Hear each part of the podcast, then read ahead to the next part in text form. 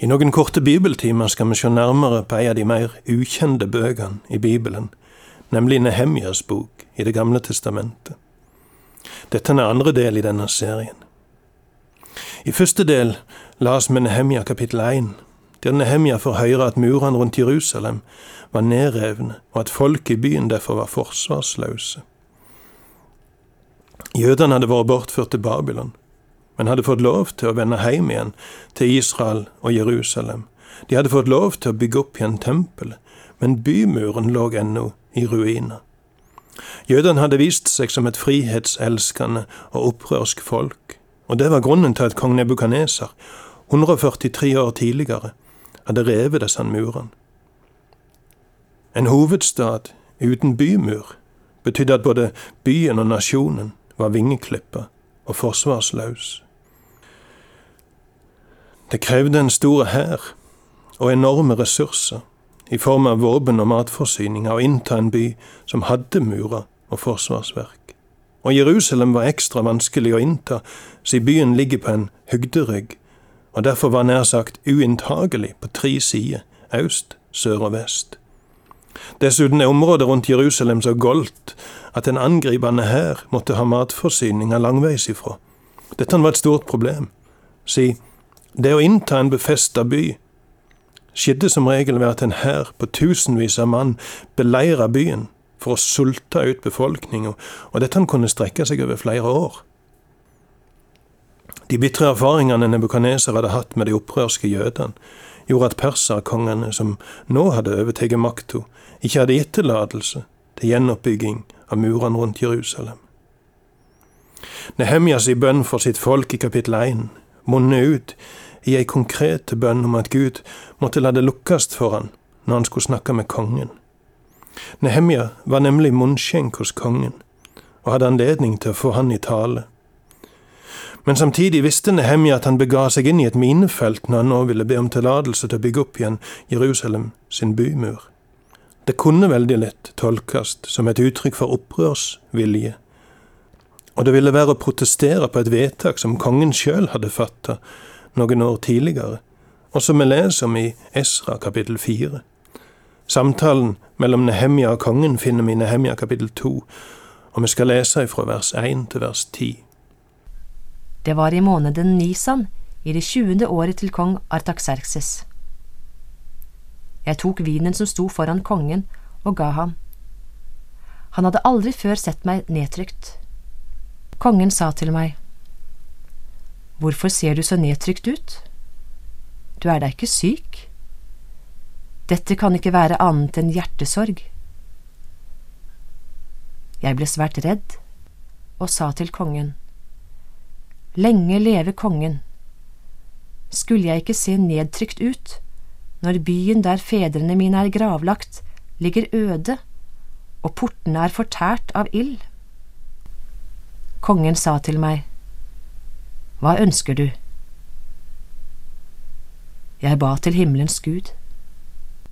Så sa jeg til kongen, Om kongen finner det for godt, og han synes godt om sin tjener, så send meg til Juda, til byen der fedrene mine er gravlagt, så jeg kan bygge den opp igjen. Da spurte kongen meg, mens dronningen satt ved siden av ham. Hvor lenge kommer reisen din til å vare, og når vender du tilbake? Kongen godtok tiden jeg nevnte, og sendte meg av sted. Jeg sa til ham, Om kongen finner det for godt, så send med meg brev til stattholderne i provinsen bortenfor Eufrat, så de lar meg dra gjennom til jeg kommer til Juda, og også et brev til Asaf, vokteren for kongens parker, slik at han gir meg tømmer til bjelker i portene i tempelborgen, til bymuren og til huset jeg skal bo i. Kongen gjorde dette, for min Gud holdt sin gode hånd over meg. Jeg kom til stattholderne i provinsen bortenfor Eufrat og ga dem brevene fra kongen. Kongen hadde sendt med meg hærførere og ryttere.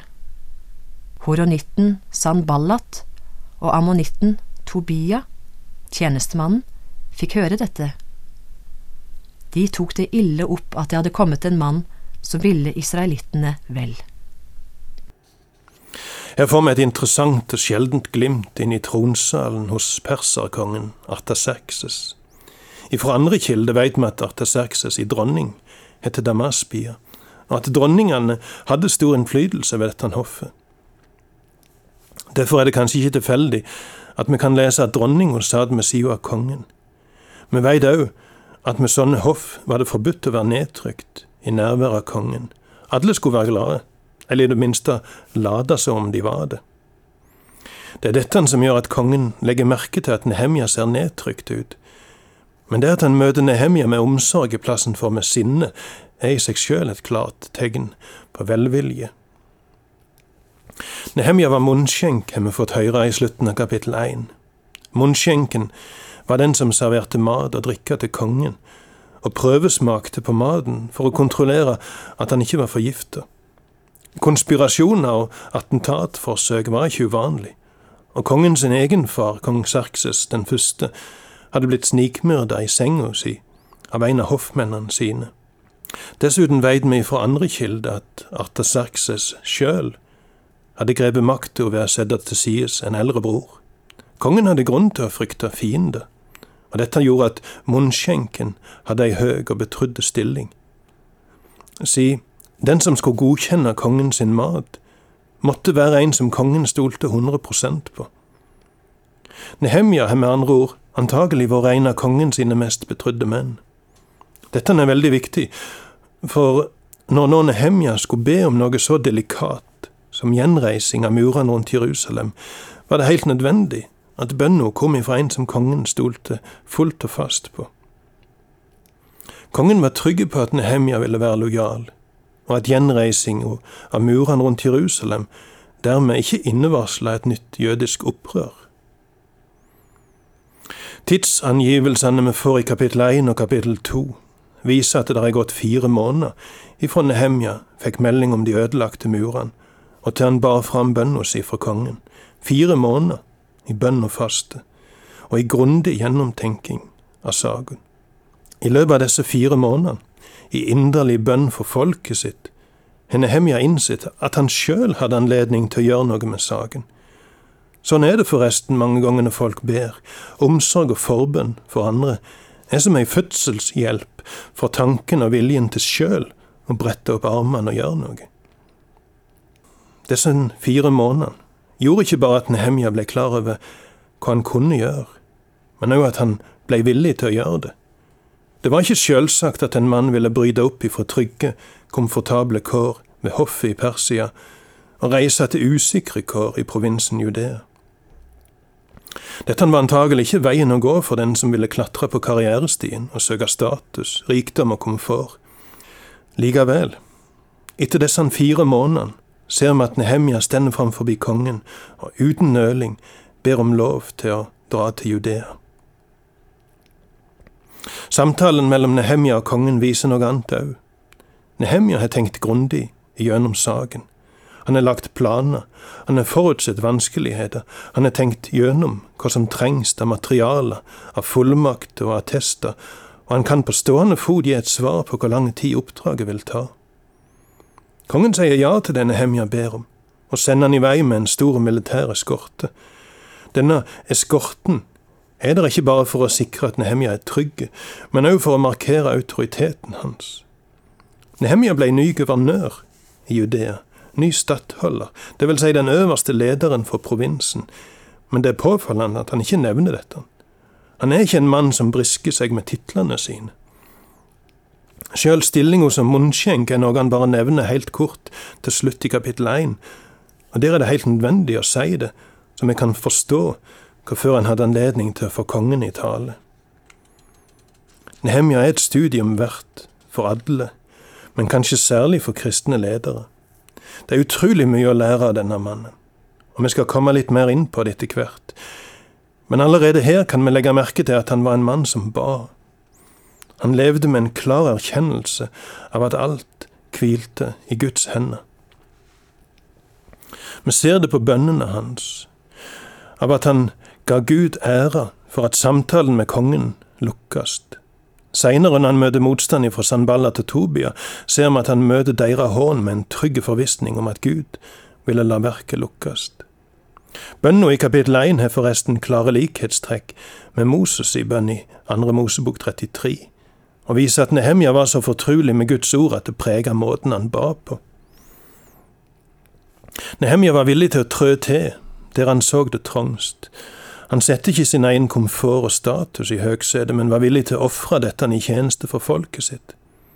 Han tenkte grundig gjennom saken før han kom med et forslag. Det ser vi både i samtalen med kongen og seinere når han skal legge fram planene sine for folk i Jerusalem.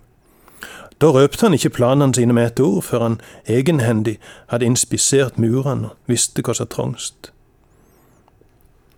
Det er fint med folk som er initiativrike, men et lite gjennomtenkt initiativ kan vekke skepsis hos folk i plassen for begeistring. Hvis folk derimot innser at dette har du visst tenkt igjennom, er det tryggere å stille seg bak og støtte opp om den som har et initiativ. Nehemja hadde initiativ, og han tenkte gjennom ting, så han kunne legge fram konkrete, håndfaste planer. Men han hadde noe mer òg. Noe du slettes ikke finner hos alle ledere. Han var en ydmyk og gudfryktig mann. Det var ikke personlig prestisje som dreiv han. Det var ikke hans prosjekt han la fram, men han så seg som en tjener for Gud. Det var omsorgen for folket sitt som dreiv han, og tryggheten hans var forankra i vissheten om å gå æren for Gud. Disse to tingene gjorde at hån og trusler prella av på han. Andre folk, både før han og etter han, har vært like overbevist om å vite hva Gud vil, og likevel har de vært fullstendig på villspor og ført mange vill. Kanskje skulle den som mener seg å kjenne Guds vilje i en sak, se nøye på Nehemja og spør seg i hva grad de ligner han. Han var for det første en mann som ba og fasta. Igjen og igjen i denne boka ser vi at Nehemja vender seg til Gud i bønn for arbeidet. For det andre ser vi at Nehemja hadde inngående kjennskap til Bibelen, og var overbevist om at det han ba om, stemte overens med det han så av Guds vesen og Guds løfter i Bibelen. Han var dessuten for det tredje ydmyk og søkte verken ære, rikdom, popularitet, anseelse eller komfort for seg sjøl. Tvert imot var det et stort, statusmessig og økonomisk tapsprosjekt, og en vei full av torner han ga seg inn på da han reiste til Jerusalem.